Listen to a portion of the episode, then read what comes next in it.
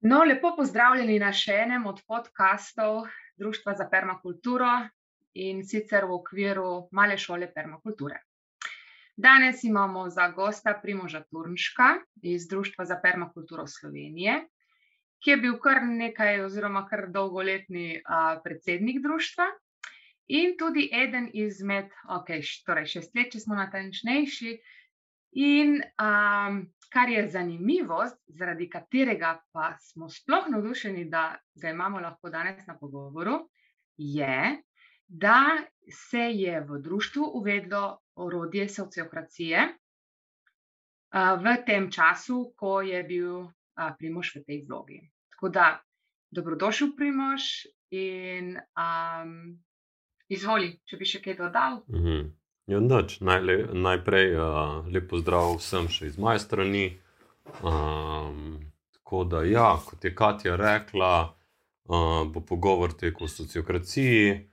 Um, ja, je res, da mi smo določene elemente oziroma določen del sociokracije začeli implementirati oziroma uporabljati v našem društvu, in pač ja, nam je kar dobro, oziroma, oziroma nam dobro služi. Um, tako da, ja. Uh, zdaj pa ne vem, Katja, se kar um, lotimo pogovora o sociokraciji, ali me boš ti vprašala kako konkretno stvar glede sociokracije v družbi. Ja, veš, mogoče bi začela kar uh, s tem vprašanjem. Nampre, namreč um, raz, alternativnih načinov odločanja imamo vseeno kar nekaj. Tako da prvo vprašanje mi je. je Um, zakaj je ravno sociokracija? Mm, zakaj je ravno sociokracija? Je verjetno določen, določeno vlogo igrajo tukaj čisto na ključja, zato ker smo pač v bistvu skozi zgodovino družstva in um, pač z našim mednarodnim delovanjem prišli v stik z ljudmi, ki prakticirajo sociokracijo. Po drugi strani je pa sociokracija v, drugi, v določenih krogih kar popularna, pa v bistvu gre za če lahko temu tako rečem, enega izmed bolj resnih, pa bolj uveljavljenih sistemov odločanja oziroma organizacije skupin ali pa podjetij ali pa organizacij na splošno, in pač smo verjetno tudi zaradi tega prišli v stik z sociokracijo. Hkrati je pa precej sorodna permakulturi oziroma temelji na podobnih, kako bi temu rekel, vzorcih ali pa vzgibih. In v bistvu, pač, ne vem, smo mogoče tudi zaradi tega, pol permakulturniki, bolj, kako bi temu rekel, nam je sociokracija všeč iz teh razlogov. Uh -huh. Uh -huh. Super. No, recimo na nivoju družstva. Uh, kje se ti zdi, da najbolj ključno vpliva na delovanje? Naprimer, imaš tudi to primerjavo, kako je družstvo delovalo prej, pa kako je po tem, ko se je sociokracija uvedla. Se pravi, katere razlike tle vidiš in dodane vrednosti, ki jih um, je unesla v delovanje družstva. Um, hm. Ja, ena izmed stvari, ki se mi zdi pomembna pri sociokraciji, pa je tudi nam, se mi zdi, da najbolj koristila, so pač sistemi sprejemanja odločitev. Se pravi, kako pač skupina sprejme neko odločitev uh, in pol za njo stoji, pa jo tudi pač izvede. To se mi zdi ena tako pomembna stvar. Potem sociokratske volitve, oziroma način, ki ga sociokracija uporablja za uh, zbiranje oziroma iskanje ljudi, da upravljajo določene funkcije, um, kar pač pomeni, ne vem, v našem društvu, recimo za predsedstvo društva, uh, in podobno. Um, potem pa tudi mogoče, kako bi temu rekel, nam je dost prav prišla pri organizaciji delovnih skupin v povezavi z upravnim odborom. In pol sam, kako bi temu rekel, kako v sociokraciji tečejo informacije iz ene skupine v drugo skupino, to se mi recimo zdi kar pomembno v našem društvu. Um, ker pač smo uporabili, recimo, upravni odbor v našem društvu, je predstavljal ta osrednjo skupino oziroma osrednji krok ljudi, Potem smo imeli delovne skupine, ki se vsaka s svojim področjem delovanja društva ukvarjala, in smo recimo uporabljali ta sistem, kako se temu reče v slovenščini, dvojnih povezav, double linking uh, med upravnim odborom in med uh, delovnimi skupinami. In to so ene take zadeve, ki, bo, ki se meni zdijo, da so nam najbolj prav prišle. Um, je pa sociokracija taka, da spet odvisno od tega, koliko ljudi je v skupini, več ljudi je v neki organizaciji ali pa v neki skupini, bolj prav pridejo. Bolj prav pride podrobno poznavanje sociokracije. Tako sem prej že mogoče omenil, da mi smo uporabljali določene elemente sociokracije, mogoče ne pač sociokracije v celoti, oziroma vsega, kar ponuja, tudi zaradi tega, ker v bistvu društvo ni imelo potreb po tem, da bi pač implementirali sociokracijo z vsemi svojimi, um, kako bi temu rekel, deli in postopki in procesi, ki pač ji pripadajo. Mhm, mhm. Ja, um, ja tle se tudi meni zdi velik dobro, velika dobrobit uh, sociokracije, ker uh, dejansko je sestavljena iz elementov, ki v neki konstelaciji lahko tudi delujejo, tudi če ne so vsi, recimo, elementi. Ne? Se pravi, ne so, ne so uno, rigidno povezani med sabo, ampak dejansko se da pokoristiti pač tisto, kar lahko organizacijo najbolj podpre. Tako je. Ja.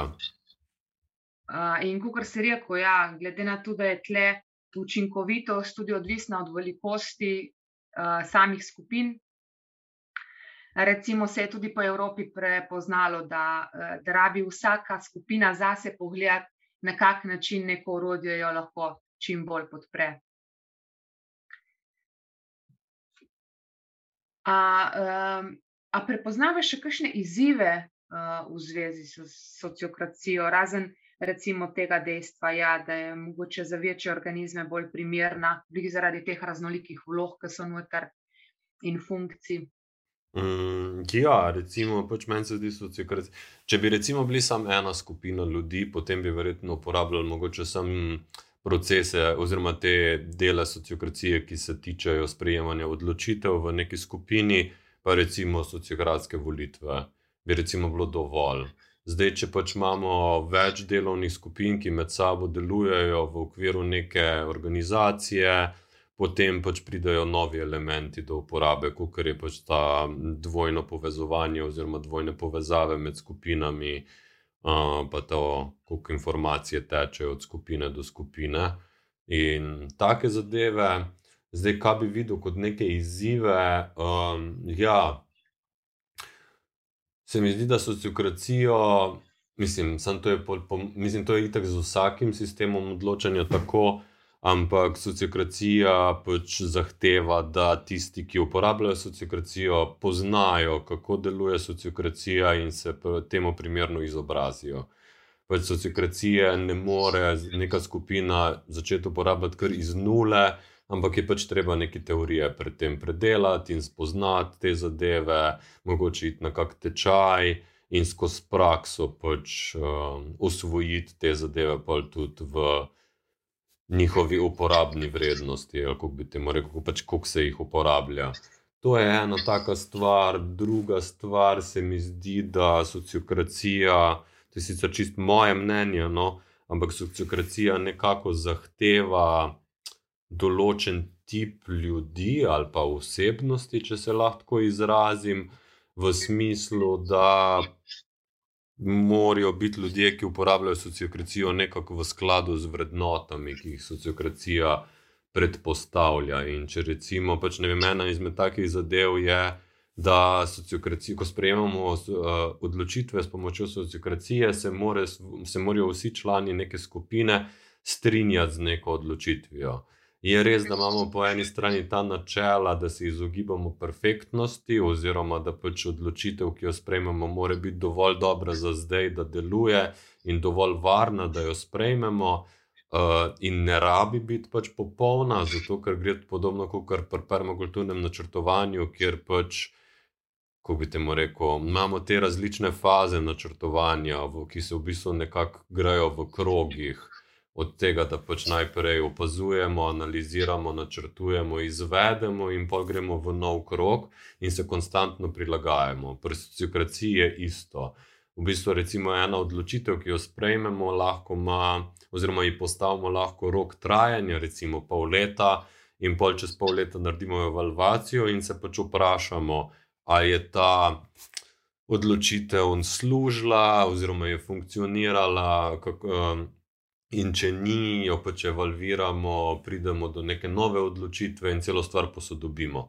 Zato tudi ne iščemo pač neke popolnosti, zato je pač dovolj, da sprejmemo stvari, ki so dovolj dobre za zdaj, pa dovolj varne, da jih sprobamo. Uh, zato, ker itak bomo se čez nekaj časa vprašali, ali to funkcionira in stvari skozi prilagajamo. Um, tako da ja. Kar sem pa mislil s, vse, pač s tem tipom osebnosti ljudi, je pa to, da pač moramo biti pripravljeni na to, da sprejemamo kompromise, da se znamo pogovarjati, da smo, če lahko uporabim to besedo, civilizirani pri tem, da si ne skačemo v besedo, da pač nismo neki egoisti ali kako bi rekel, in da pač ustrajamo pri svojih odločitvah. Je res, da ima sociokracija ogromno enih orodij, pa principov, pa zadev, ki naslavljajo točno te stvari in v bistvu na nek način tudi človeku, ki mogoče ni tako pomaga, da postane tak, oziroma da pač se počuti varno tudi v takih procesih, ki so bolj horizontalni. Ampak ja, no. Tako da jaz bi v bistvu ta dva izziva izpostavil. Eno je to, da pač to, kolikor vemo o sociokraciji, oziroma toliko, kar imamo izkušeno o sociokraciji, tako dobro jo lahko uporabljamo. Se pravi, znanje je ključno, oziroma poznavanje, na drugi strani pa ja, da mora biti vsak človek, ki je del skupine, ki uporablja sociokracijo, tudi fleksibilen in prilagodljiv, zato da pač cela stvar sploh funkcionira. Mhm, ja. ja, to sem tudi jaz opazila, no, da se dejansko izobraževanja na teh področjih poznajo uh, ker dejansko smo pa le vsi na nekem, recimo, sestanku ali pa v nekem tem skupinskem procesu drugače prisotni in kot posamezniki, in kot posamezniki, ki smo del skupine. In je to tu prevzemanje odgovornosti, ne glede na to, kakšna je vloga, je v bistvu zelo aktivna ne? in čuječa uh, pozicija. Ne? Recimo, uh, mogoče, če dodam še eno stvar, ko sem prej omenil, da moramo biti, kako bi temu rekel, pravi karakteri v skupini. Ki uporablja sociokracijo. Hkrati sem pa tudi omenil, da ima sociokracija neka urodja oziroma neke pristope, ki omejujejo to, da nekdo prevlada v skupini. Je recimo en izmed takih principov, da ti, če recimo sprejemamo neko odločitev, pa imamo enega ali pa dva človeka, ki se z odločitvijo ne strinjata in v bistvu blokirata sprejem neke odločitve se recimo v kontekstu sociokracije razume, da sta ta dva človeka odgovorna za to, da se neka stvar ni sprijela oziroma ni naredila, da sta pač blokirala celo stvar, in da je odgovornost teh ljudi, da poiščejo novo rešitev, ki bo, oziroma predlagajo novo odločitev, ki bo služila celotni skupini. To se recimo meni zdi ena taka stvar, ki je v bistvu varovalka pred tem, da bi nekdo prevladal.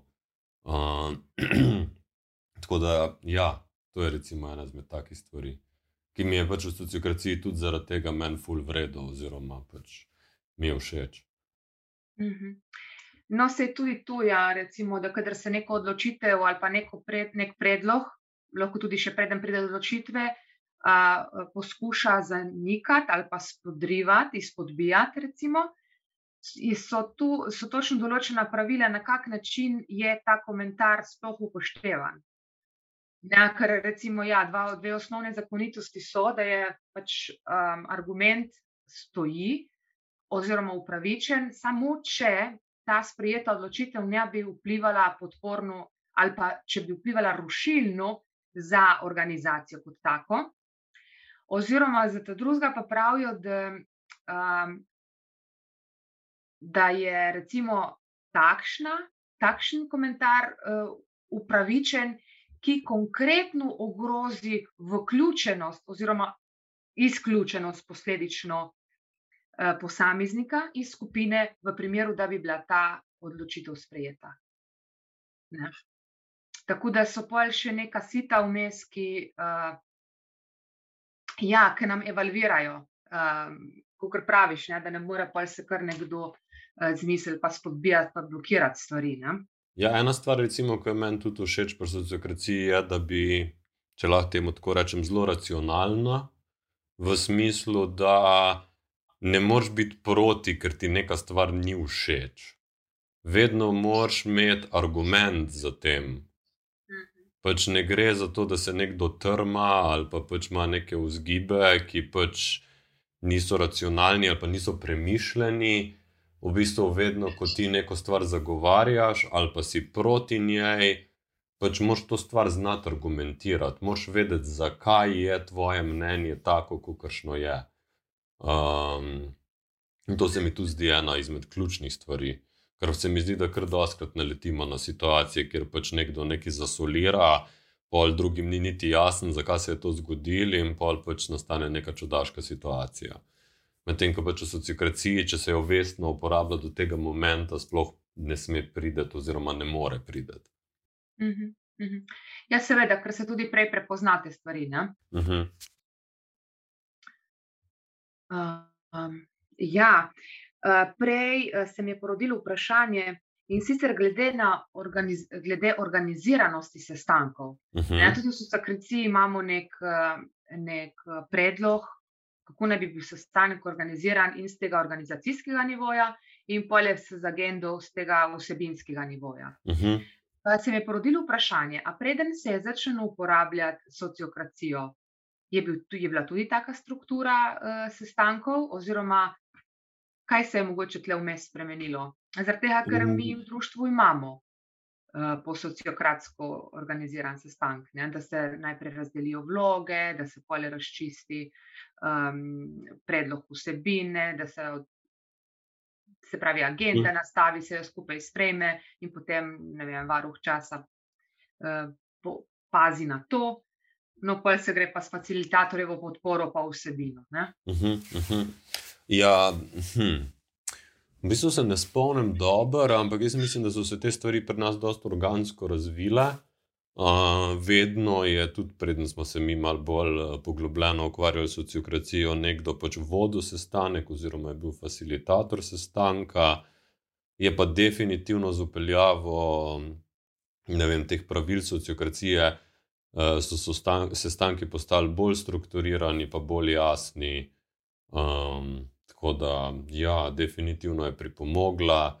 Uh, tudi pač recimo te naše tabele, ki jih uporabljamo za uh, vodenje sestankov, kjer pač ne vem. Zapisnike. Ja, zapisnike, kjer pač pred vsakim.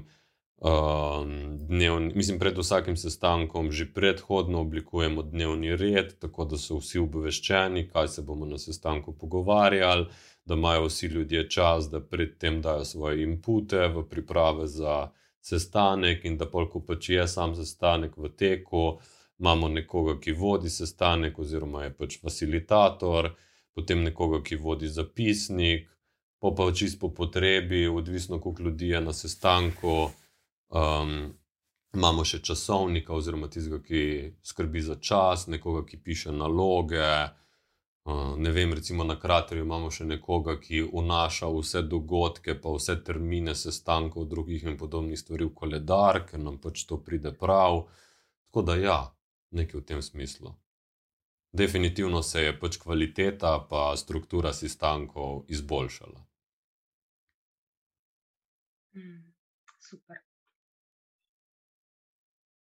No, zdaj bomo uh, tudi znotraj male šole še uh, preko teorije spoznali to orodje, tako da definitivno bo več informiranosti o tem, tudi v širši neki, neki družbi. In, uh, mogoče se pa nas toliko nabere, da bo še uh, kakšna priložnost oziroma potreba po, uh, kot se reče, kakšnemu izobraževanju, pa uh, konkretnejši uporabi, da se recimo. Ima možnost to orodje tudi sprobati. Kot si rekel, uh, je tu ključni del nekega učenja, ne? ta praktičen, da se malo to praktičnost uh, potipa. Ja, definitivno. Take stvari je fajn sprobati v praksi.